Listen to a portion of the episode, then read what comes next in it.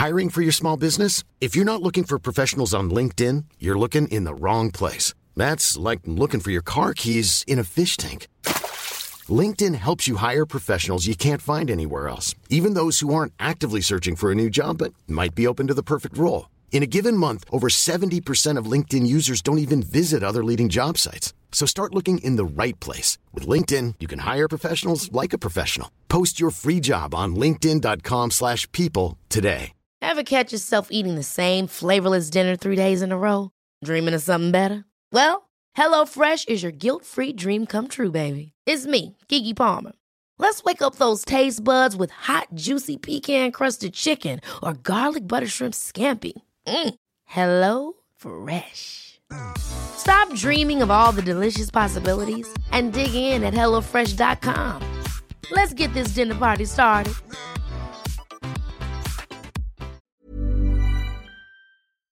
Ta, kommer du tala ur skägget idag Patrik? Ja, det får vi väl säga. Hej och välkomna till Vänta på katastrofen. Eh, Jag heter Kalle Zackari Wahlström.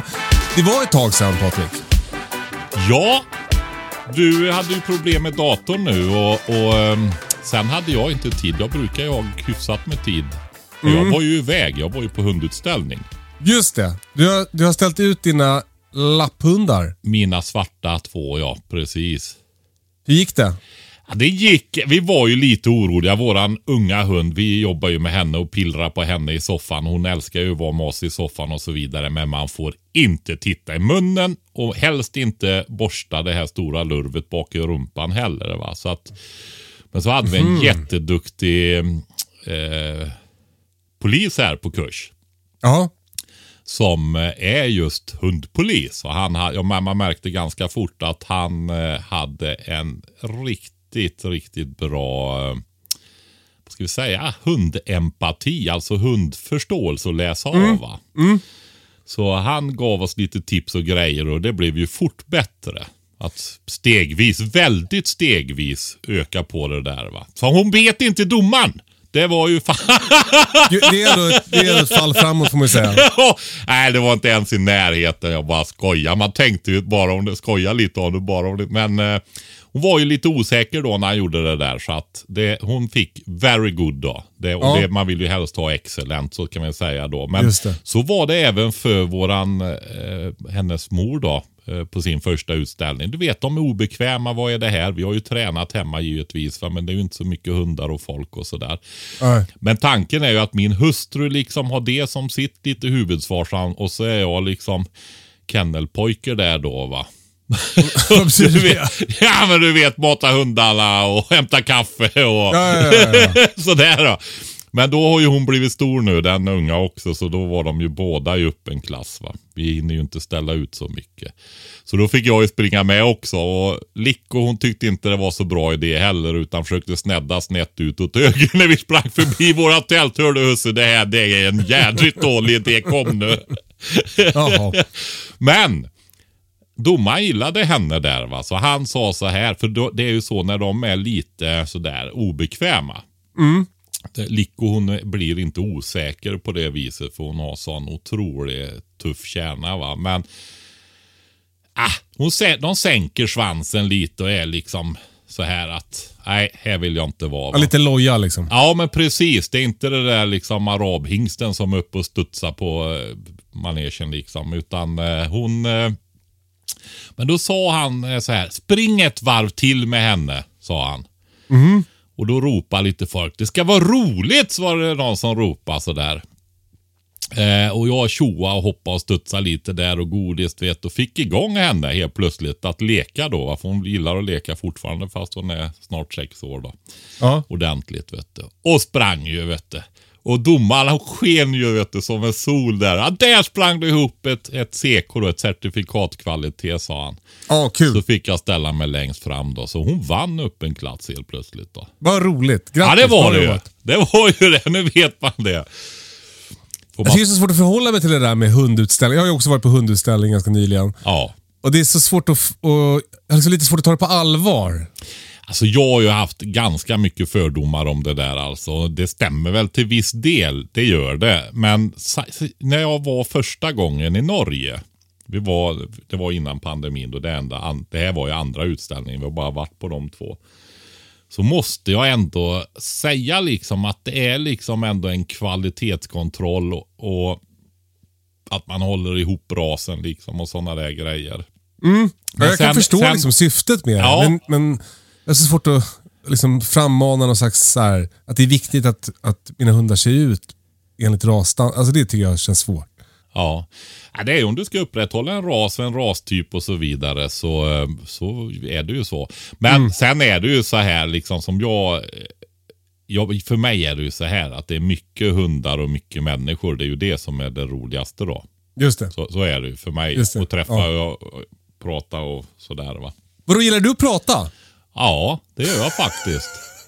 Jaså? Det det är tur att du ringer en gång i veckan, Kalle, nu när jag sitter här hemma i vinter och är och jobbar.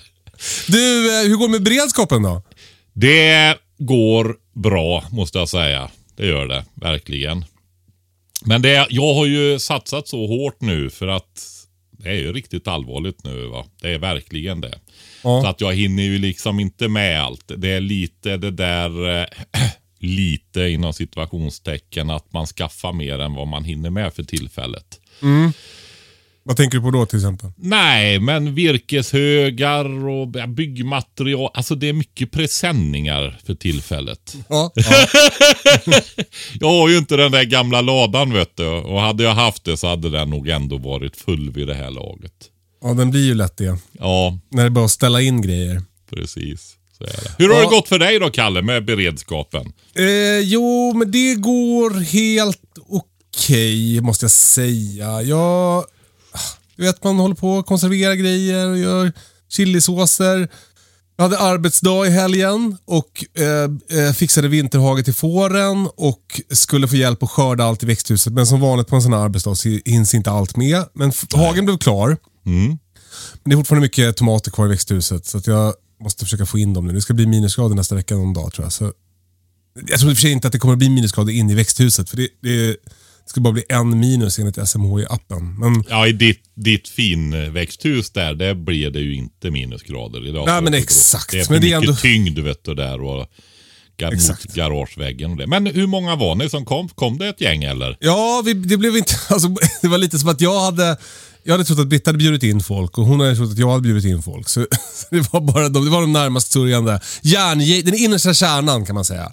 Men vi var väl tio personer då som röjde runt här och grejade. Ja, men det var väl jättebra. Mm, så vi fick massa eh, eh, eh, flis runt alla små äppelträd och eh, eh, det, det skönaste vi gjorde var, vi, vi planterade ju massa äppel och päronträd i tv-programmet för, ja det är väl två år sedan nu i, i få, en fårhage. Ja, Och skyddet runt de där träden har ju varit lite sådär. De har tagit sig in till något och betat ner det och ja, du vet hur det är. ja Men- det vet jag. Men nu har vi äntligen då, eh, nu la vi lite tid på att bygga bättre skydd runt alla träden och drog ny eltråd runt hagen. Så nu känns den hagen helt perfekt för fåren i vinter. Så det känns jätteskönt. ja. Den där känslan av att nu är, liksom, nu är det bra för träden att fåren är där istället för att det är dåligt för träden att fåren, fåren är där. Så det känns skönt. ja, men jag förstår precis det. Men det här med, du hade gjort chilisås.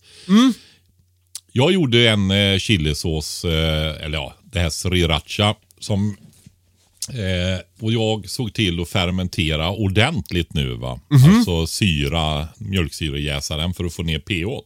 Ja. Så att jag ska få, eh, då kunde jag konservera den med vanlig vattenkokning. Ja, alltså ja, ja. sjuda i vatten, inte tryckkokare. För då har du hur- pH som stöd där. va. Just det. Och hur, hur, gör du med, hur gör du när du fermenterar då?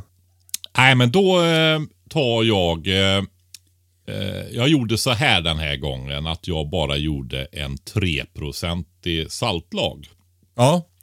Och la i, i en stor... Eh, jag hade ju mycket chili så jag gjorde ju 14 halvliters burkar. Så jag har sriracha nu för... Nej, ja, det är ju så. Det är, jag har inte varit så förtjust. Jag har inte odlat så himla mycket chili vet du. Nej. Men så hände ju det här som du, du Padrone som du introducerar mig. Just jag blev det. ju helt såld på det. ja, jag Kul. älskar Padrones numera, så att det odlar jag mycket. Ja, roligt. Och tagit mycket frö av nu också. Men sen gjorde ju min hustru också den här srirachan då.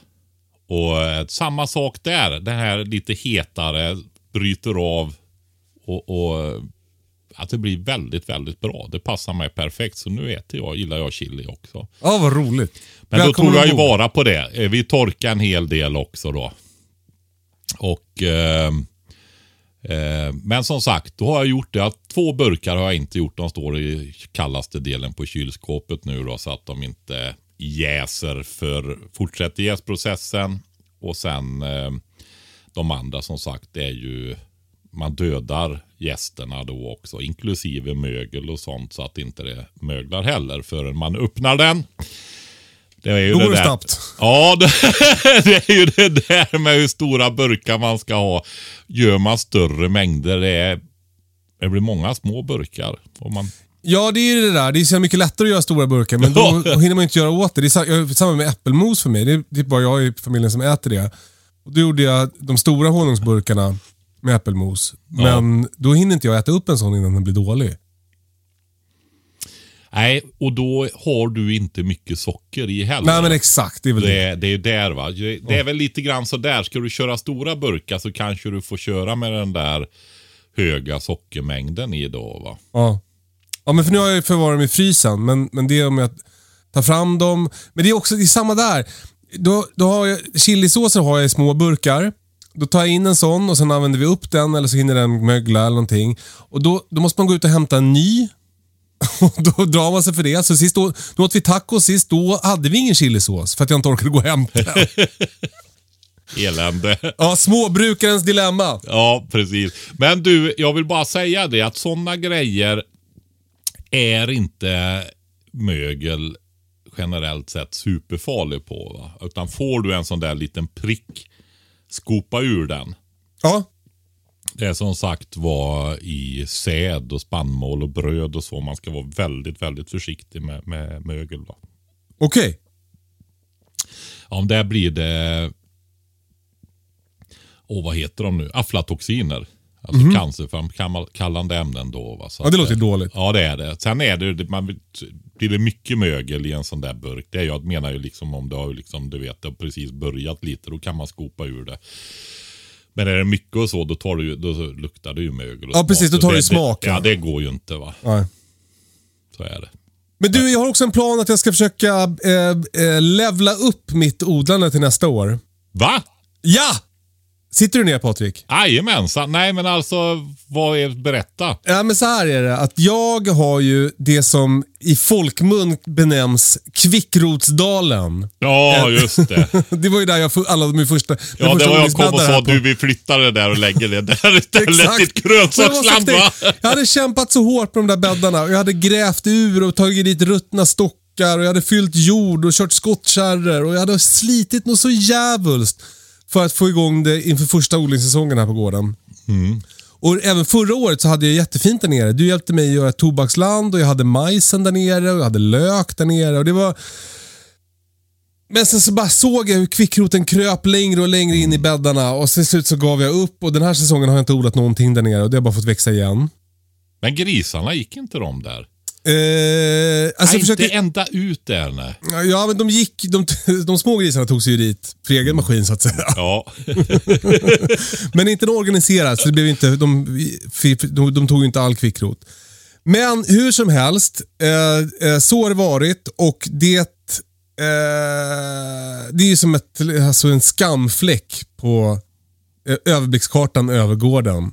Men eh, nu har jag bestämt mig för att jag ska skaffa ett tunnelväxthus dit. Ett Just det. stort jävla as till tunnelväxthus. Jag ska lägga markduk och sen så ska jag odla i bäddar i ett stort, i en stor sån här eh, plasttunnel. Du, du kommer att lägga markduk duk över hela ytan och verkligen Ja. skapa kontroll där. Ja, alltså jag, jag tänker parkeringsplats i, min, i målbilden. Hur stort ska det vara då? Eh, och det, ja, då, då, kom, då kommer vi till det. Det tänkte jag fråga dig om. Eh, hur stort ska jag ha? Ja, alltså du har ju pratat om det där med sånt där eh, Ja. växthus en gång. Och du skulle ju ha det till paddelhall då sa du. Hur stor är en paddelbana? Eh, nej, men så här är det. Jag, jag, får, jag eh, snackade med de som heter Jordnära. Ja, Eller Jordnära. Ja, Ja. Hur som helst. De verkar ju supergulliga och superduktiga och har benkoll. Och jag stegade upp min yta där nere och så, så sa jag till dem hur stort det var och eh, hur stort jag tänkte och sådär. Då, då sa de att de tyckte att jag var galen. Eh, för att jag, eh, jag får liksom plats med ett som är 140 kvadrat där nere. ja. Eh, alltså 20 gånger 6,5 eller vad det är. Men det blir ju väldigt stort. Men det kommer jag väl inte vara ledsen för någon gång? Kommer jag det? All, nej, jag tror inte det. Eh, därför att... Eh, nej, men alltså om vi ska hårdra det lite. Jag skickade en broschyr till dig. Tittade du på den? Från Jordbruksverket. Det tror inte jag du gjorde. Tittade jag på den? Nu ska vi se. Väldigt fort i så fall om jag känner dig rätt. Ja. Alltså var det det här med, med eh, strålningen eller? Ja. Ja, jag såg vad det var bara, sen så tänkte Ja. jag det här, det här kan Patrik berätta för mig vad det är. Nej, ja, det var ju så att eh, när vi var på hundutställning, vi har ju en del valpar där uppe från Likos andra kull. Och bland annat så bor den ute på Alnön. Och det är en Alltså i Sundsvall? Jajamensan, det Ja. ligger ju en ö utanför där. En stor Ja. ö. Jag tror det är 10 000. Det är en av de större öarna i, i landet i alla fall. Ja. Eh, och de har ju något som kallas Alnö småbruk. Men de kör ju i kommersiell skala. va? Ja. Du vet, eh, ett antal pro- De har ju framförallt då 3-350 hönor som går ute och käkar gräs, som är flyttbara. Och så grönsaker då. Eh, tusan, nu tappar jag ju tråden där. Det var det här Jordbruksverket. eh, Ja, ja, ja, precis, precis. Och vi pratade om det där uppe. Och då sa jag sa det här liksom med, alltså det är kymigt det där med, med nedfall om det blir alltså. Ja. Eh, Att det far med vindarna, och speciellt om det blir större. För då har du ju det här med att det far sot över hela alltet. va Just det. eller partiklar.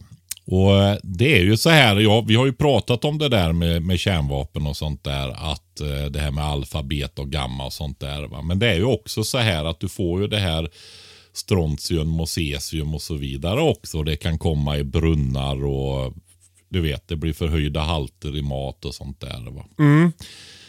Grejen är ju att har du stora växthus då. Då kommer ju inte det ner i backen där. Utan då rinner det ju av när det regnar och sådana där saker. Va? Och det är på samma sätt kan man faktiskt om man har ut, ytor som inte är stora jordbruksarealer så kan man ha plastfolie och lägga över. Så att det inte sköljs ner i backen utan att det rinner av istället. Va? Det är ju som jag har sagt tidigare i podden där att eh, om man har, det är många som säger att ah, jag har brunn och jag kan hinka upp. Va? Ja, Om inte det är nedfall som kommer. Va? Just Då det. blir ju brunnen inte bra. Va? Nej. Så man ska alltid ha reservdunkar. Men då är det också sådär att du kan ju faktiskt lägga en större presenning också över en brunn. För då kommer ju det i kanterna på presenningen kommer du ju att få. Men sen filtreras ju det igenom och så beroende på mark och sånt givetvis då så kan det förmodligen om det är en större presenning tar det, ja det hinner nog brytas ner nästan innan det kommer fram va. Men det finns säkert mark där det kan gå fortare också. Jag, ska inte, jag är ingen expert på området. Men eh, då är ju ett större växthus fantastiskt ur beredskapssynpunkt. Det var det jag ville säga om vi ändrar lite sinnesstämning här igen då. Perfekt. Men du menar alltså att eh, eh, eh, det är bra för då kommer jag kunna ha okontaminerad eh, yta där jag kan odla även mina vanliga grön, eh, frilansgrönsaker in i växthuset. För där är det inte... Ja, du kommer väl ihåg det här med. Tjernobyl? Gör du det? Man får inte, fick inte äta harsyra på flera år. Nej, och eh, uppe där det blev som mest. Alltså det här var ju norra Ukraina. Ja. Ja, Tjernobyl. Och eh, det var ju uppe i Gävletrakten liksom som kärnan av det här slog till då. Så de hade ju bekymmer med allt möjligt eh, i, där uppe med renkött som inte fick ätas och svampar och fisk och sånt under ganska många år. va. De skulle haft ett jättestort tunnelväxthus. Ja, då, precis. Hade man tunnelväxthus då, då hade det ju varit... Eh, sen är det, det finns, de har ju lärt sig med det där så att det är ju... Det står i den där broschyren där från Jordbruksverket. Och det var i alla fall så att Alnö småbruk Eh, de har också ett Instagram-konto som heter Alnö småbruk får jag säga. Då har grönsaksförsäljning och, och ägg och alltihopa det här. Eh, vad skulle jag säga? Alltså, det blir, gud. Jag är nog medtagen efter helgen, Kalle. Ja, det är lugnt. Men de hade i alla fall eh, pratat och tänkt på det här med nedfall. Ja, men precis. eh, precis. Sen vi pratade om det och de berättade om den här broschyren, att de hade fått den. Va? Så Ja. är det. Det är det jag skulle komma till. Just det. Bägge Oj. gångerna jag tappat tråden där så är det att de, ja men vi har fått det här information om det här från, va har ni fått det från en myndighet? Och det var redan alltså i samband med att det här Ukraina-kriget började. Alltså någon där var, hade verkligen eh, framförhållning. Någon var på tårna. Ja men precis va. Så den gick ju ut till alla kommersiella odlare och djurägare och alltihopa det här att om vi ger order, skynda er ut och slå vallarna innan de är färdiga. Så att ni får in det innan det blir kontaminerat och så vidare. Åh, Sådana herregud. grejer stod det i. Eh... Ja, jag blev skitglad när jag såg den där broschyren. Ja. Faktiskt. Ja, ja det, där går man ju, det där gillar man ju. Vad fint. Då är det inte bara eh, du som håller på och hetsar dem. Nej, jag sa just, tänkte, jag tänkte just det så här liksom. Här sitter man och pratar om skyddsmasker för unga människor som tror man är från månen eller något. Va? Men så är de också på tårna. Det tyckte jag var... Eh, det var väldigt roligt att det finns folk som håller på så ordentligt faktiskt. Men du, om jag får återgå till mitt tunnelväxthus här då. Ja, Eh, Så eh, det jag framförallt tilltalas av är ju att få eh, lite mer yta för att då kunna ha lite glesare mellan plantorna. För att jag, jag kollade på några YouTube-filmer som Jordnära har lagt upp. Och det är så jävla uppstyrt och liksom... Eh, alltså, det är så lätt att komma åt allting och så lätt att få överblick i deras växthus. De har sån jävla... Man, det känns som att de har sån koll på sina grejer. Mitt är ju mer som en djungel. Även om jag numera tjuvar mina tomater jättenoga så är det ju ett kaos. ja. I Du mitt tror växthus. alltså att du ska få kontroll på någonting i ditt liv där.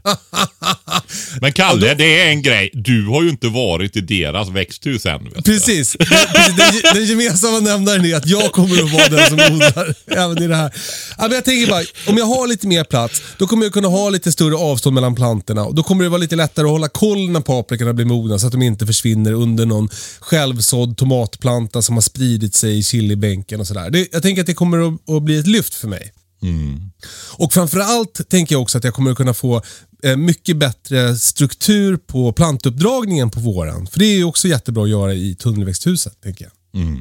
Nej, ja, precis. Jag hade en eh, på småbrukarkursen. Ågård, det är ändå en familj som driver en camping ihop. De har köpt den och flyttat ihop allihopa där nere. Jaha, vad mysigt. Agard eh, heter de på Instagram då. Men hon sa just det till mig, för jag har ju ett, ett relativt litet, vet du. Det är 4 gånger 10 40 kvadratmeter. Det låter mycket för många om man har villaträdgård i stan och så, men har man lite, vad ska jag säga, lite mer produktionsinriktat även om det är till husbehov. Det blir fullt fort alltså. Det blir ju det. Ja, men vill du ha och göra lite och lite sriracha och tomatsåser och eh, salsa verde och alltihopa det här. Va? Det, det blir fullt fort. det gör det. Så och så det. blir det knökat som du säger. Ja. Känner igen det. Och så vill man ju ha lite basilika och andra kryddor in emellan också. Ja, men att kunna ha lite sådär, det var också en grej som jag blev inspirerad av deras YouTube-kanal där. Att de, de odlar såhär typ thai-basilika och sånt där i sitt växthus. Ja. Och det är ju grejer som, den, den, det, ju, det har inte jag plats för idag. Alltså jag, jag, jag får ju fokusera på de vanliga aubergine, chili, paprika, tomat, gurkor i mitt växthus. Och inte ens det har jag riktigt plats för, alltså vårt årsbehov av sådana grejer. Så, så det ska bli super, super, super kul att ta tag i det här projektet. Vi håller på att försöka hitta ett datum när de ska komma hit och hjälpa mig att sätta upp det där. Vi kommer filma det såklart och lägga ut det på eh, Kalle och Britta grejer på YouTube. Så det får ni se. Mm. Men sen, men sen får du ju väldigt stora möjligheter faktiskt att odla tidiga grönsaker och Ja.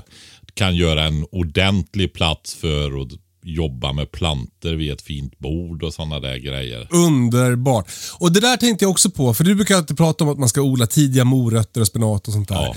Men det blir ju också, om man är liksom lite Om man har växt ur sitt växthus. Ja, men om man är liksom lite, eh, lite eh, ostrukturerad som jag, då, är, då blir det liksom en parameter som rör till det för mycket. Det där att man ska hålla på och ha koll och, och lägga stenar och du vet. Ja. Så, så om jag kan ha en dedikerad bänk till sånt i det här stora växthuset så kommer det bli ett jättelyft för oss. Du kanske till och med kan ha, gillar ni jordgubbar? Det gör vi verkligen. Alltså finns det någon som inte gör det? Känn, har du träffat någon? Alltså det skulle kunna vara någon som aldrig ätit hemodlade jordgubbar som säger att de inte tycker om jordgubbar. Ja, precis, precis. Men alltså det går, i ett sånt växthus så kan man ju kosta på sig till och med att ha riktigt tidiga jordgubbar. Åh, gud. Dröm. Ja, det ska bli jättekul. Jag ser jättemycket fram emot det här. Det känns som att det kommer bli ett lyft för mig i min, i min odling. Och också så jävla skönt att den här platsen som har varit en ångest för mig, Kvickrotsdalen, nu kommer bli en, tillgång. Men har du, ska du, den lutar ju lite. Det är ju en sån här eh, rändal i terrängen liksom den där Kvickrotsdalen där. Allting samlas. Det kommer ju vatten den vägen. Kommer du att gräva och plana lite eller ska du låta det? Ja, jag tror att jag, alltså nu när du börjar prata om att flytta grisarna så blir jag lite sugen på att försöka få dit grisarna. För, för det är ju det är massa, ja, det är massa gamla, eh, de här gamla bäddarna skulle man ju någon kunna gå igenom med ett tryne och, och vända upp och ner på. Det skulle nog inte vara helt fel. Så jag är lite sugen på att ta dit dem och se hur det blir. Men annars så, så kommer jag nog plana lite grann tror jag. Med någon maskin. Vi får se vad jag hinner med. Det är ju jaktsäsong också.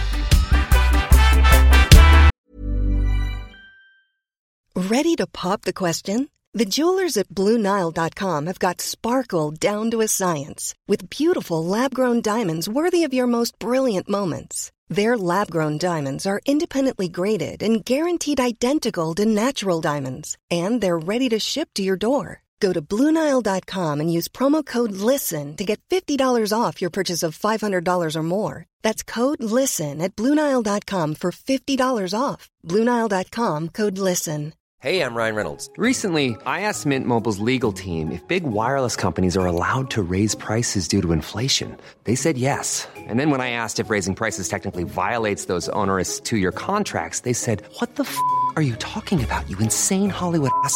F- So to recap, we're cutting the price of Mint Unlimited from $30 a month to just $15 a month. Give it a try at mintmobile.com slash switch. $45 upfront for three months plus taxes and fees. Promo rate for new customers for limited time. Unlimited more than 40 gigabytes per month. Slows. Full terms at mintmobile.com. Hold up. What was that? Boring. No flavor. That was as bad as those leftovers you ate all week. Kiki Palmer here, and it's time to say hello to something fresh and guilt-free. Hello Fresh. Jazz up dinner with pecan-crusted chicken or garlic butter shrimp scampi. Now that's music to my mouth. Hello Fresh. Let's get this dinner party started. Discover all the delicious possibilities at hellofresh.com.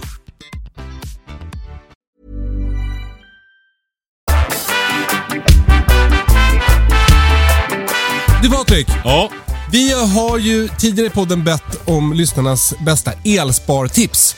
just det. Alltså eh, eh, tips på hur man kan spara sin, eh, eh, skära ner på sin energiförbrukning eh, om och när elen blir dyr i vinter. Och eh, Vi har fått ett gäng tips och det man kan säga är väl så här att det finns liksom ingen det finns ingen silverkula. Det finns inget magiskt trick så här, som du inte har tänkt på som gör om du bara stänger av den här grejen så kommer du att få jättelåg elräkning. Utan det här har vi pratat om tidigare också. Det är ju uppvärmning av huset, uppvärmning av vatten och matlagning som är de grejerna som drar el. Och också ladda elbil om man har en sån.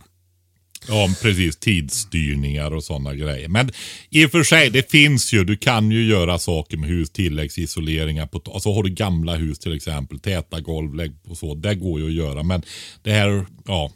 Ja men exakt, och, men, men det, jag tänker att det hänger ihop med det här med att, att värma upp huset. Alltså det, det, det, kommer inte vara, det kommer inte vara några små grejer och det kommer antagligen inte vara någonting som du inte redan har, har funderat över. Men några sätt som lyssnarna tipsar om, det är liksom lite andra sätt att tänka kring sitt liv. Att man försöker planera lite bättre. Eh, det är ett tips som har kommit från, från eh, flera. Att man, ja men du vet, man tar fram frysta grejer i tid så man slipper mikra dem. Man tvättar i tid så man kan hängtorka dem och slipper köra torktumlaren. Och så vidare. Man till exempel om man, eh, om man konserverar grejer så kan man eh, använda det varmvattnet till det var ganska kul tips förresten. Att man, man eh, häller upp det i bunkar och ställer med en handduk över på smarta platser i huset. Då, då håller det värmen. Mm. Eh, alltså det värmer upp huset. Det var ju jävligt smart. Men att man försöker vara liksom lite mer sådär... Tänka Plan- sig för helt enkelt. Inte Exakt. hälla ut det varma vattnet i slasken. Man kanske kan ha det, ja, är- har det varit att konservera i till exempel, ja men då har du ju ett diskvatten där om du behöver diska någonting. Va? Så, så det är eh, eh, de elspartipsen som vi vill bjuda på. Du, eh, en fråga Patrik, som vi har Ja. fått också. Eh, som har med det här att göra. Det gäller varmvattenberedare. Just det. Om, om är det mer energisnålt att ha tanken uppvärmd hela tiden så att den bara måste värma lite grann? Eller är det bättre att chockvärma den när elpriserna är låga på natten? Okej. Du, eh, alltså är det en modern bra varmvattenberedare som inte läcker så mycket. Så är det ju så här att eh, det går åt en viss mängd energi, arbete för att värma en liter vatten en grad. Så eh, den varierar ju inte den. Utan det går åt det för att du tillför liksom energi och så rör sig vattenmolekylerna fortare helt enkelt. Va? Just Och det, det är alltid samma. Och Det innebär ju då att om du betalar mindre för energin vid en tid så tjänar du jättemycket på det.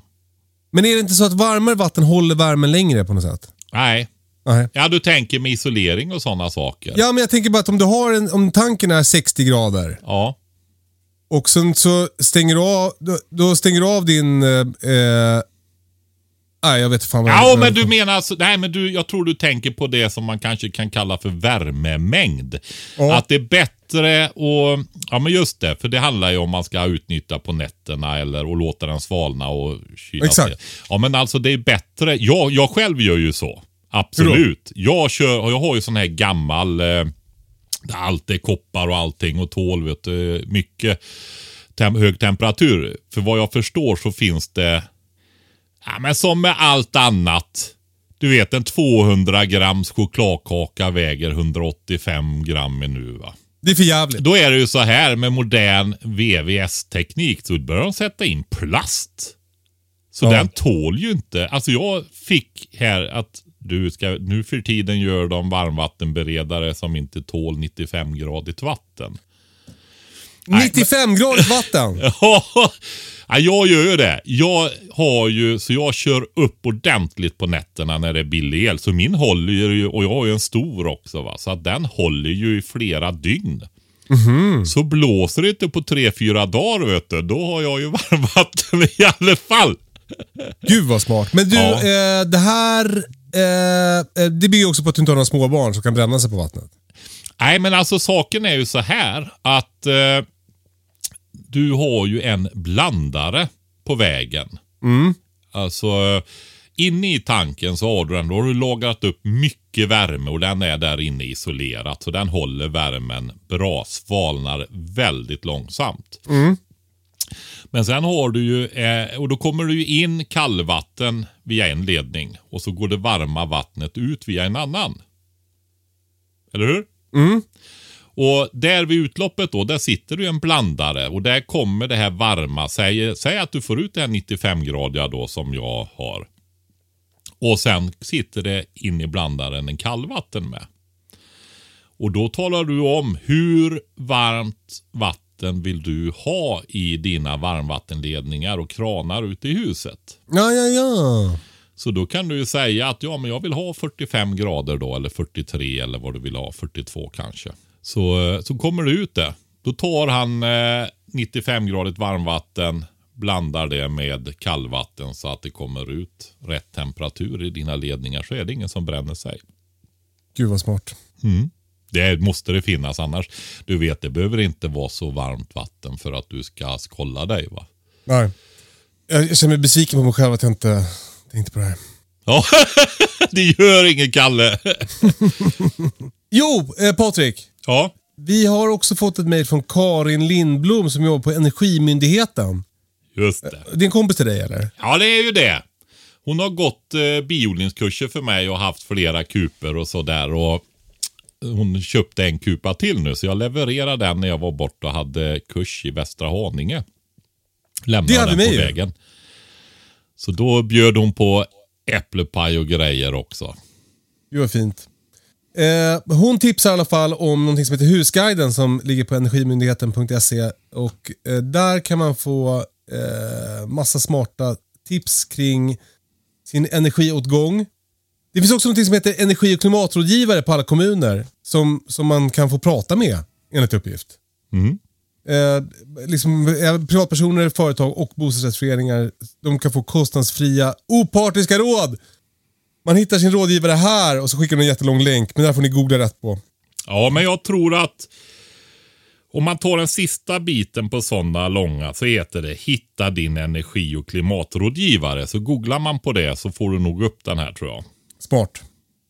Eh, det verkar som en bra- tjänst, kanske ännu bättre än eh, den här podcasten på att ge energispartips. Även om eh, det kanske är bättre stämning i den här podden. Ja, men frågan är om den där energi och klimat eller vad det var för någonting är lika bra på att prata om äppelmos och sånt där. Det tror jag inte. Nej. Eh, men det var ett bra tips Karin, tack för det. Energimyndigheten.se, där kan ni få massa tips.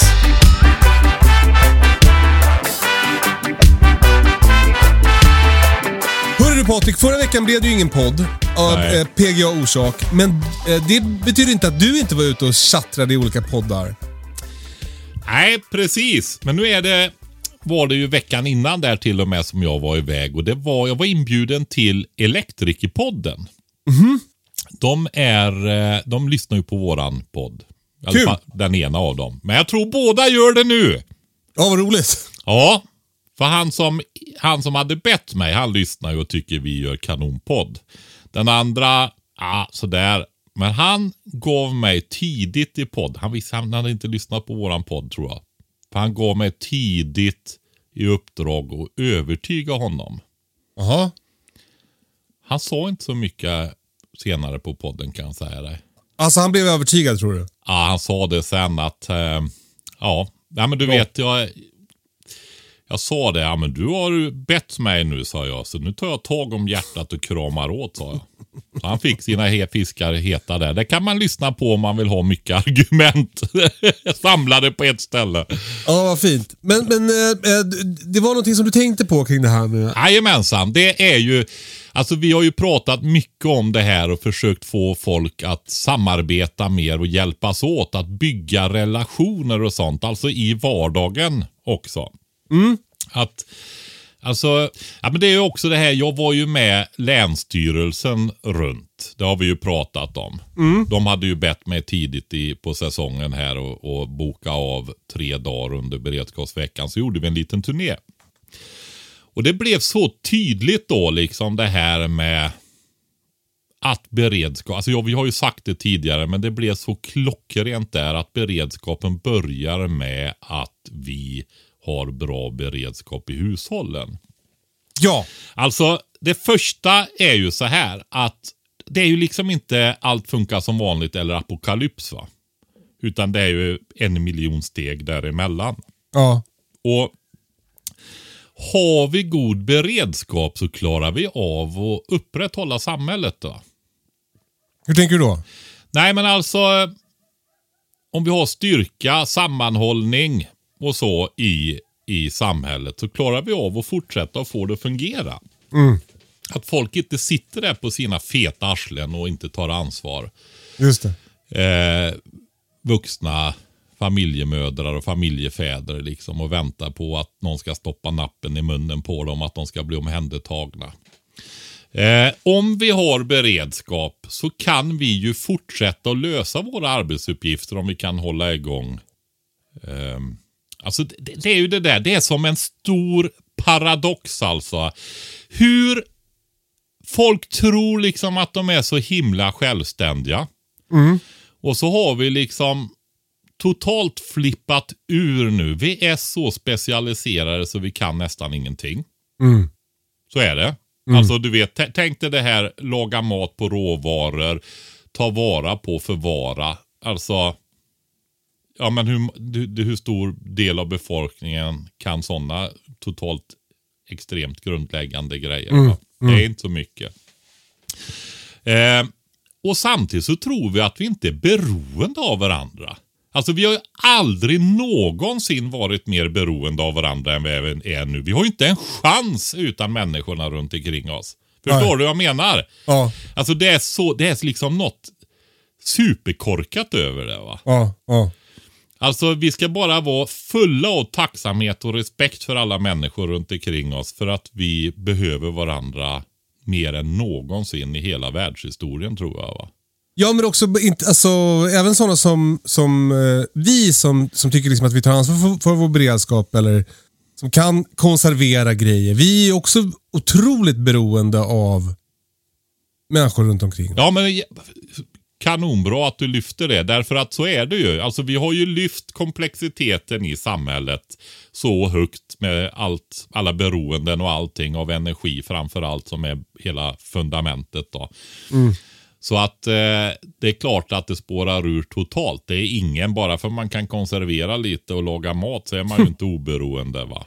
Nej. Men jag ville ta det som, alltså om man tittar i ett historiskt perspektiv så liksom är det ju en så basic kunskap va. Och inte ens det kan många människor längre va. Ja. Det var ju så jag ville. Men så är det ju. Vi är det. Och det vi måste satsa på tillsammans. Det är ju alltså att försöka upprätthålla samhället. Och det är ju också det som ger styrka. Om man kan göra det. Men det börjar ju alltså med att du kan ta hand om ditt hushåll. Om inte Ja, det nej. funkar kan inte du gå till ditt jobb som förskollärare. va? Och vad händer då? Eh, nej men då kan ju du inte ta hand om eh, sjuksköterskan, läkaren, polisens, soldatens barn så de kan lösa sina uppgifter. Nej. Då funkar ju ingenting. Nej. Och om du är vaktmästare så måste du, eller fastighetsskötare, så måste du gå till ditt jobb så att sjukhuset kan hålla igång. Så att förskolan kan hålla igång. Och sånt där. Va? Och jag, där har jag ett exempel. Jag har en nära vän som driver en förskola. Hon eh, har faktiskt historiskt tagit ansvar för detta men hon har höjt beredskapen där nu. Hur då? Det, ja, men det är sådana här grejer som eh, hon har alltid haft hyfsat med torrvaror i förråden. Men nu, och det har hon haft för en vecka förut då. Men nu har hon höjt då, så det är det två eller tre veckor. Alltså så att inte en massa lyxgrejer, men de kan ge barnen mat under tre veckor i alla fall. va. Och sen eh, ja, men att de övar på saker med barnen till exempel. Både utrymning, det vet du. Det, det, det ska ju du öva med din familj från övervåningen där. Ja. Det börjar brinna i huset och ni har en Absolut. uppsamlingsplats och så vidare. Va? Ja, men det kommer du ihåg i skolan också, för de hade ju ofta, det tror jag de är skyldiga att ha brandövningar. Och då ska Mm. ja, alla i klass 1C samlas på fotbollsplanens västra mål där. Va? Ja, ja. Ja. Eh, ja, men sånt. Men sen har ju de också nu för tiden något som heter inrymning. Vad är det? Ja, men det är ju alltså om det blir ett hot på utsidan. Ja, ja, ja. Ja. Ja, ja, alltså det man spontant kommer på är att det blir skottlossning eller någonting. Eller att det kommer eh, otrevliga människor. ja. Då ger de vuxna en signal och då börjar en lek såklart när det är små barn. Då springer man in under trappen. Jaha. Den Ja, coolt. det bästa sätt, stället som är mest skyddat i huset. Då, det är ju lite olika förutsättningar i olika hus. Då.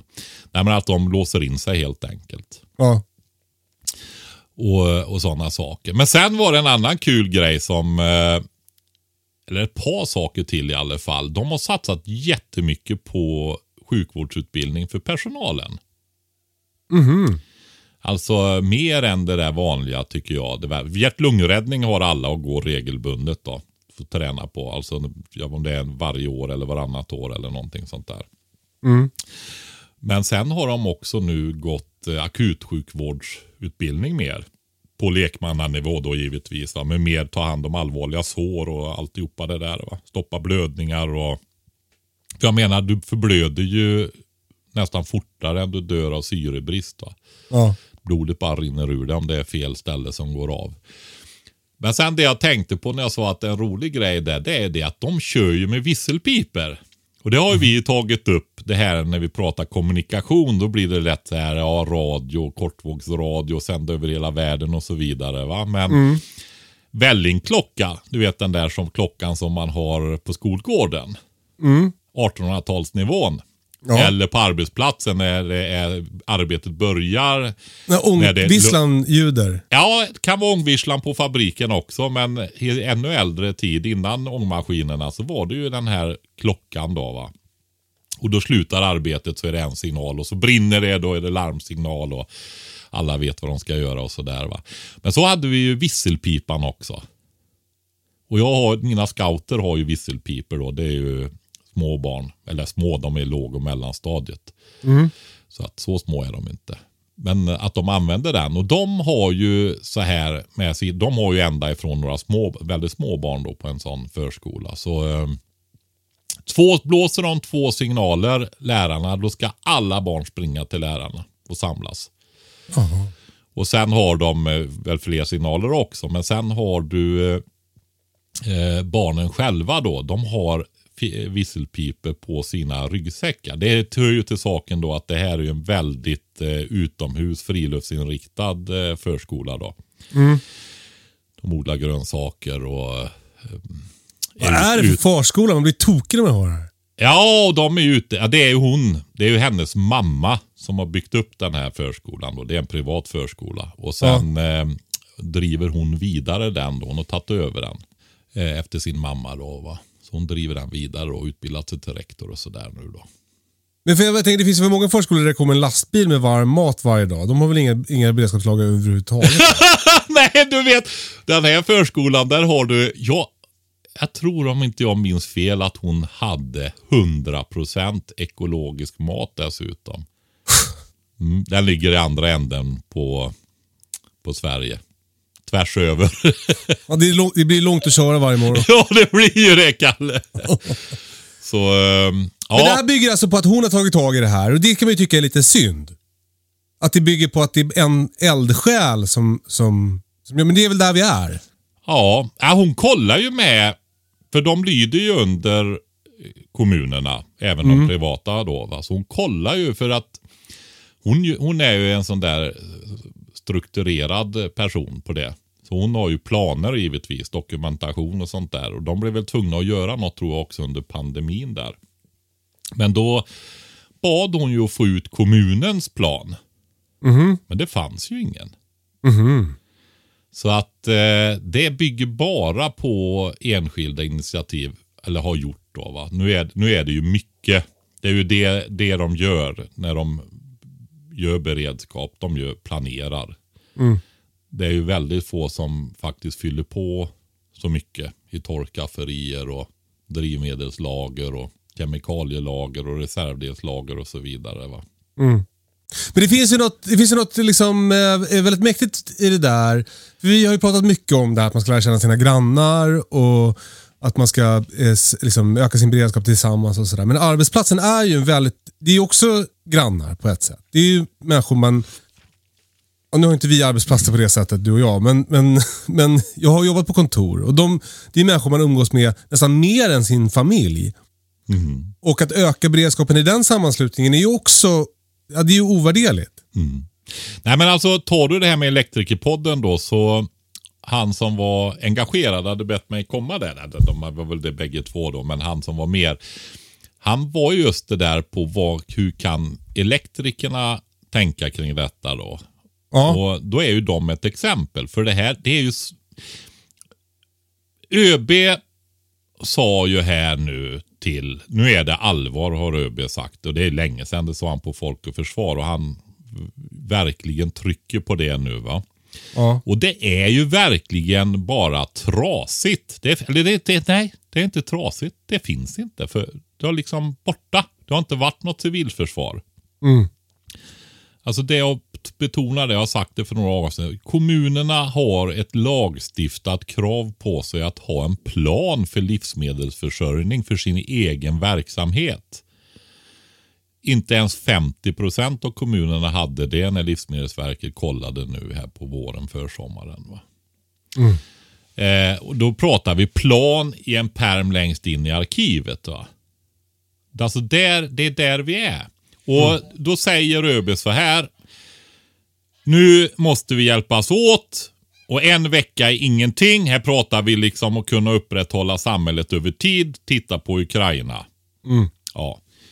Och eh, då är, uppmanar han ju företag, institutioner och så vidare att sitt inte och vänta på att någon ska komma och säga något. För den som ska komma och säga håller på, man på och funderar ut vad den personen ska göra ungefär. Va? Och vad är viktigt och så vidare. Man har inte, alltså det tog många decennier av stora investeringar och mycket tid och engagemang och bygga upp civilförsvaret förra gången till kanske världshistoriens bästa beredskap. Va? Det är helt borta. Och nu är det till och med så att de som kunde det där då, men det är också viktigt att påpeka, det var ju ett annat samhälle. Ja men du vet, Statens järnvägar, Televerket, Postverket och så va. Alltså det var en aktör. De som jobbade där, de var krigsplacerade där och övade. De hade vapen och uniformer och sånt och kunde gå ut och försvara sina telestationer och, och sådana saker. va. Viktiga post... Eh, ja, sorteringsterminaler eller om det var el, sina transformatorstationer och sånt där. va. Alltså menar Idag att är det ju- var beväpnad för? Ja, men alltså de var ju det. De hade ju det i förråd. Det är ju som hem, var ju som hemvärnet. Va? Det var ju både driftvärn och hemvärn. Då. Hemvärnet det var ju 110 000 man som hade vapen och ammunition. De gick ut genom dörren så var det en färdig soldat som kunde gå ut och vakta en bro. Eller som jag fick göra när jag var med när jag hade slutat som officer här. Fick gå till masten som jag ser på nästa berg där, va? Blåbärskullen. Ja. Så ehm, då skulle vi skydda den för den är viktig för all kommunikation i samhället. Du kan inte säga vad den heter Patrik. Du är röjt. Hela... Ja, den är nog rätt känd. Alltså man ser det kanske på masten också. ja, precis. Det. Men i alla fall. Eh, och då tillbaka till Elektrikerpodden igen där va. Alltså är det en tänk att upprätthålla det här elkraftsberoende samhället utan elektriker. Alltså många elektriker har ju väldigt viktiga arbetsuppgifter för att upprätthålla samhället. Det är ju inte bara, alltså du ska ju ut och sköta så att det fungerar. Alltså det är, det är ju det där som jag har sagt förut, termodynamikens andra lag. Allt faller samman. Går åt jättemycket resurser, energi, arbete för att upprätthålla allt det här som vi har byggt upp. Va? Det Ja. står ju inte bara där. Det vet du när man har maskiner och grejer. Alltså, reparerar man dem inte så står det ju hela ladan full av icke-fungerande maskiner efter ett tag. Va? Jag ska Patrik! Jag ska smörja dem! Ja, Jag ska byta olja! Ja, det är bra. Byta den där vajern och laga det där dragsnöret. Och, eller byta det där dragsnöret som gick av på motorsågen och så vidare. va. Ja, Nej, men så är det ju. va. Och Det är ju bara ett exempel. Du kan ju ta hur... De, alltså det är ju väldigt, väldigt många människor. Du behöver inte ta de här självklara inom sjukvård och polis och räddningstjänst och så vidare. Som är det som är en beredskap i samhället till vardags på många sätt. va. Utan eh, som jag sa, förskolorna är ju helt centrala och då pratar vi ju inte bara där. Alltså om du är sju år och går i vanlig, sex till och med nu för tiden är det ju, när du går i vanlig skola. Det är ju samma sak där med lärarna va. Att de kan hålla igång sin verksamhet, det är ju lika viktigt det.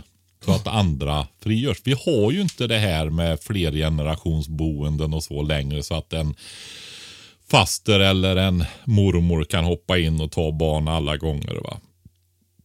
Speciellt inte i tätorterna skulle jag väl säga då. Kanske lite grann kvar på landsbygden. Men, men alltså det där, hur gör man då som företagare? Jo, man får ju dels se över sin egen verksamhet. Alltså vad vi behöver kunna fortsätta att lösa våra arbetsuppgifter eller till och med vara beredda på att kanske hjälpa till med andra. Behöver vi lära oss någonting? Behöver vi skaffa någonting och så vidare. Va? Ja. Det finns inga lager av specialverktyg eller liksom så här va? för att ta ett, ett exempel då. Eh, men framför allt min personal. Mm. Jag behöver ta en diskussion med min personal. Och eh, det gör de, har de börjat med på den där förskolan jag pratar om också. Och de flesta där är ju, är ju med på, på noterna vad jag förstår då. Va? Eh, de personalen behöver ju ha beredskap hemma så att de kan fortsätta att komma till jobbet. Just det. Ja. Så att de inte måste lägga tid på att skaffa mat hemma liksom. Ja, precis. Vatten, vad som helst. va. Ja. Alltså att det går att, att upprätthålla hushållet. Och Ja. Där tänker jag också på sådana här grejer som teet i hemskt vis. Teet sist i hemskt. Eh, som är transport. Mm. Och just det här med som jag brukar säga att man kanske får räkna med lite högre kaloriförbrukning om det kärvar ihop sig. Va? Mm. Det kanske inte funkar med kollektivtrafiken eller finns drivmedel till din bil. Det lilla drivmedel som finns kanske finns i brandbilarna eller i de där elektrikerna som måste kunna åka ut och reparera kraftledningarnas bil. Så du får Ja. cykla till jobbet. Ja. Ja. Bra att ha cykel. Riktig cykel. Och ordentligt med mat som man orkar cykla dessutom. Då, va? För då kanske Ja. du är uppe i 3 500 kalorier per dag istället för 1800 till 2000. Va? Mm. Så ehm, ja, sådana Ja, grejer. vi, ser, vi ser på våra lyssnare som eh, eh, våra beredskapsambassadörer. Ja, det tycker jag. Det är så- nog eh, väldigt lämpligt. För jag tänker att alla som lyssnar på den här podden är intresserade av det här ämnet och så här. Då, då är det väl en uppmaning till er att, att eh, eh, för den här diskussionen på din arbetsplats. Oavsett om du eh, jobbar inom det offentliga eller privata sektorn så, så är beredskap på jobbet någonting som, som ni behöver lyfta. Kan man säga så? Absolut. Och att vi också tillsammans, alltså ta det här med att vi är så beroende av varandra och att styrkan och motståndskraften, alltså inte bara mot en fiende utan mot svårigheter, är hur bra vi håller ihop. va? Ja. Och att vi fortsätter att försöka hålla igång vårt samhälle. Det är så viktigt att förstå de bitarna där. Det är inte det där att gå och sätta sig i ett hörn i källaren med sina konservburkar, stormköket liksom och en vattendunk med pannlampan på. va. Eh, det är inte det utan det är att vi klarar av svårigheter tillsammans. Det är det som är den första beredskapen. Sen finns scenariot med hörnet i källan också längst Ja. bort. Om vi inte klarar av att upprätthålla samhället och så vidare. Va? Så kan Just man det. väl kanske uttrycka sig då. Och det vill vi helst inte hamna i. va. Ehm, för då är det den där kedjan som är vid kollaps. Liksom. Du börjar med finansiell kollaps. Det är det som håller på att hända nu. då va. För det, det är folk, men vad då ekonomin? Vi jobbar, har ju mycket att göra som helst. Ja, den finansiella kollapsen slår ut så slår det över på realekonomin som är det som gör att du har mycket att göra nu. Och då blir det politisk kollaps. Och så fort stoppar inte vid politisk kollaps, vilket det ofta gör när det blir allvarligt, så fortsätter ju det att bli social kollaps och kulturell kollaps. va. Och det får det inte hända för då blir det väldigt otrevligt. va. Ja. Så är ja, det ska vi undvika. Exakt, och det gör vi tillsammans. Det är enda, enda chansen. Så att eh, Det är mycket det som är uppdraget ifrån myndigheterna också. Jag tycker det är lite... Alltså de pratar om 72 timmar var väl det som flöt runt förut och sen sa man en vecka. Men alltså det är väldigt lite med en vecka också. Det är det. Man kanske vatten är ju svårt att börja lagra för en månad i lägenhet och så vidare. Va? Ja, ja, men det är ju det. Och det beror, alltså, men man behöver ju inte... Bor jag inte i en liten studentlya, ja men jag har stort förråd i källaren. Eller jag bor på ett annat sätt. Ja men håll inte fast vid en vecka då. Det är ingen som kommer och hjälper din familj efter en vecka om det blir riktigt allvarligt heller. Va? För alla har fullt upp med sitt. Det är ansvarsprincipen som gäller. Den som är ansvarig i normalfallet är också den som är ansvarig i kris och krig. Va? Och resten av samhället de har fullt upp med sin egen verksamhet som omfattar sjuka, gamla, barn och så vidare. Va? Ja. Det är inte dig de ska ta hand om som är en frisk familjefar eller familjemor i ett fungerande hem. Va? Ja. Det är så. Så är det. Så, så eh, eh, sprid ordet.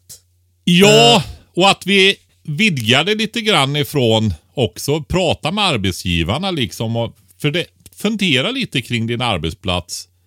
Hur viktig den är egentligen. Och är den inte viktig, då kanske det är dags att byta jobb. ja, precis. Precis. Men det jag skulle säga är så här. Jag, hörde precis det du hörde i vad jag sa själv där va.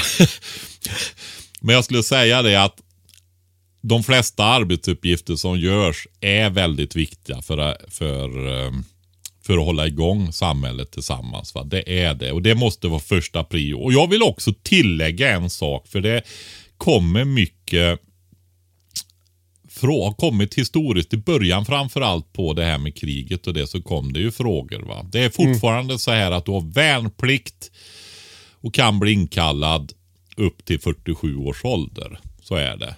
Men, och då är det så att de i Sverige kallar man inte in någon som inte är utbildad.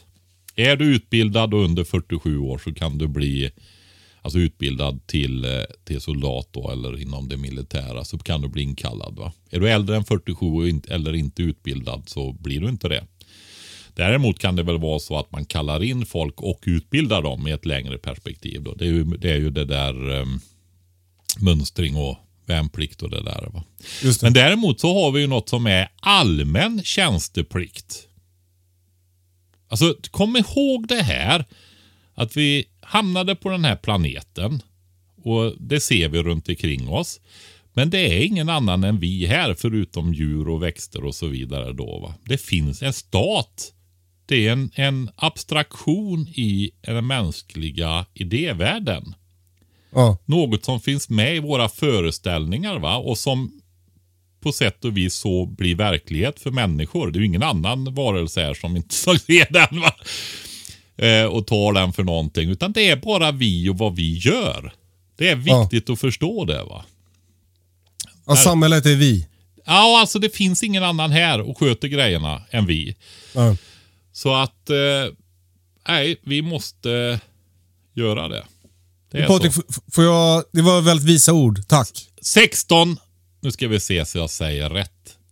Det kan ju inte vara 80, det måste ju vara 70. 70 16 år, alltså till och med så kallade barn. Så äldre barn, 16-åringar. Du är ju barn till du är mindre va? Eh, från 16 till 70 år så kan du bli inkallad och lösa uppgifter och bli ordrad att göra när det är beredskapshöjning då. Va? Ja, man skulle inte vilja vara eh, anfallande soldat när vi sätter alla sätter drönare i händerna på alla tv-spelande 16-åringar. Kommer de få det hett om öronen. Ja, precis. Nej, men alltså det som jag sa där med värnplikten, det är de som är utbildade på det och under 47 år då. Va? Så det, det är väl 47 år man blir gubbe då. Då är, då är du inte det en riktig Kalle. Nej, det kan man lätt tro. Ja. Du, eh, Patrik, jag skulle vilja avsluta dagens podd med att göra lite reklam. Är det okej? Det tycker jag. Och är det våran produkt? Det är våran produkt. Det är nämligen så här att eh, vi driver ju företaget Prepbox. Eh, vi säljer eh, eh, en låda med katastrofmat som man kan ha i garderoben så att man alltid har kalorier hemma så att man klarar sig i händelse av kris. Eh, nu håller vi eh, tillsammans med en svensk kommun på att ta fram en julklapp till kommunanställda. Och det här känns som en så jäkla bra idé. Och känns som också som att det rimmar ganska bra med det här vi har pratat om nu precis. Det här med att upprätthålla beredskapen på arbetsplatsen. Att, att som arbetsgivare se till att dina anställda har en god hushållsberedskap gör att ni kan upprätthålla er verksamhet i händelse av kris. Och att då, eh, om ni är ett företag som ger era eh, anställda julklappar varje år, passa på att ge någonting som faktiskt ökar beredskapen. Så vi har tagit fram en, en liten prepbox med Eh, mat för 48 timmar och lite andra goda grejer i som vi nu säljer. Den finns inte på hemsidan så ni får mejla hej at prepbox.se. Hej at prepbox.se. Och den kommer att kosta, oh, vad är det, om det är 450 spänn inklusive moms eller något sånt där. Så det är, det, är, eh, det är inte några jättesummor. Det är ungefär vad det kostar att bjuda sina anställda på julbord. Så det här kan man säga är ett julbord som man kan ha i, i garderoben hemma och som gör att man ökar sin beredskap. Eh, Man får också med en massa utbildningsmaterial och sådär såklart som vi har tagit fram. Så eh, eh, om du vill höja beredskapen på din arbetsplats bland dina anställda, mejla hej at prepbox.se. Jag ska säga så här att det är ju också så att det är ett sätt att få igång diskussionen. Ja men exakt. Och det visa är som sagt sig. var utbildningsmaterial. Det är ju de där listorna som jag tog fram när vi började med det där. Va? Mm. Så, eller vi tog fram dem då. Eh, utifrån det här med hemskt vis och det. Och, eh, men jag vill också säga så här faktiskt. Att den vanliga prepboxen, den stora, Ja. som är ett väldigt billigt sätt att köpa mycket mjukkonserver på med flera års hållbarhet. Den ryms också inom avdragsmöjligheten för det här med julklappar faktiskt. Har man ett mindre företag och har lite, vill satsa lite på sina anställda en fin julklapp så är ju det perfekt. Ja, verkligen. Grymt. Jag tänker att det är liksom ett eh, sätt att visa som din kompis förskoleföreståndaren att, att det här är viktigt och att det här är någonting som man tycker att de man jobbar med ska bry sig om. Precis. Uh, hej at prepbox.se. Nu är det slut för idag. Tack Ja. Patrik! Tack Kalle! Jag kommer att ringa dig om tio minuter och fråga någonting om mitt tunnelväxthus. För det är det enda jag tänker på just nu. Ja, vad bra. Stort tack för att ni lyssnar och tack för era energispartips och tack för eh, alla frågor ni skickar. Nästa vecka, då jävlar ska vi svara på massa ljudfrågor. Ja, nu har vi många. Nu ligger vi efter Kalle. Jag tänker inte ens säga mejladressen för det, för att eh, vi har så många. Jo, gör det. Gör Okej. det. Och gär, gärna ljudfrågor. Ja, gärna ljudfrågor till hejkatastrofen.se så ska vi försöka svara på dem nästa vecka. Tack för att ni lyssnar och tack för att ni tar tag i er och andras beredskap. Därför att det hjälper hela vårt samhälle. Ha det så bra allihopa. Vi hörs sen. Puss och kram. Hej då! Hej då.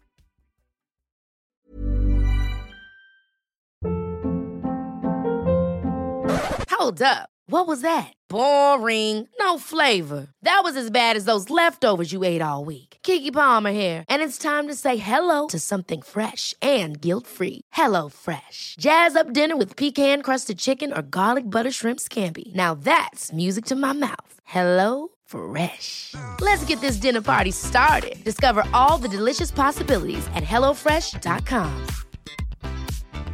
Mom deserves the best, and there's no better place to shop for Mother's Day than Whole Foods Market. They're your destination for unbeatable savings, from premium gifts to show-stopping flowers and irresistible desserts. Start by saving 33% with Prime on all body care and candles. Then get a 15-stem bunch of tulips for just $9.99 each with Prime. Round out Mom's menu with festive rosé, irresistible berry chantilly cake, and more special treats. Come celebrate Mother's Day at Whole Foods Market.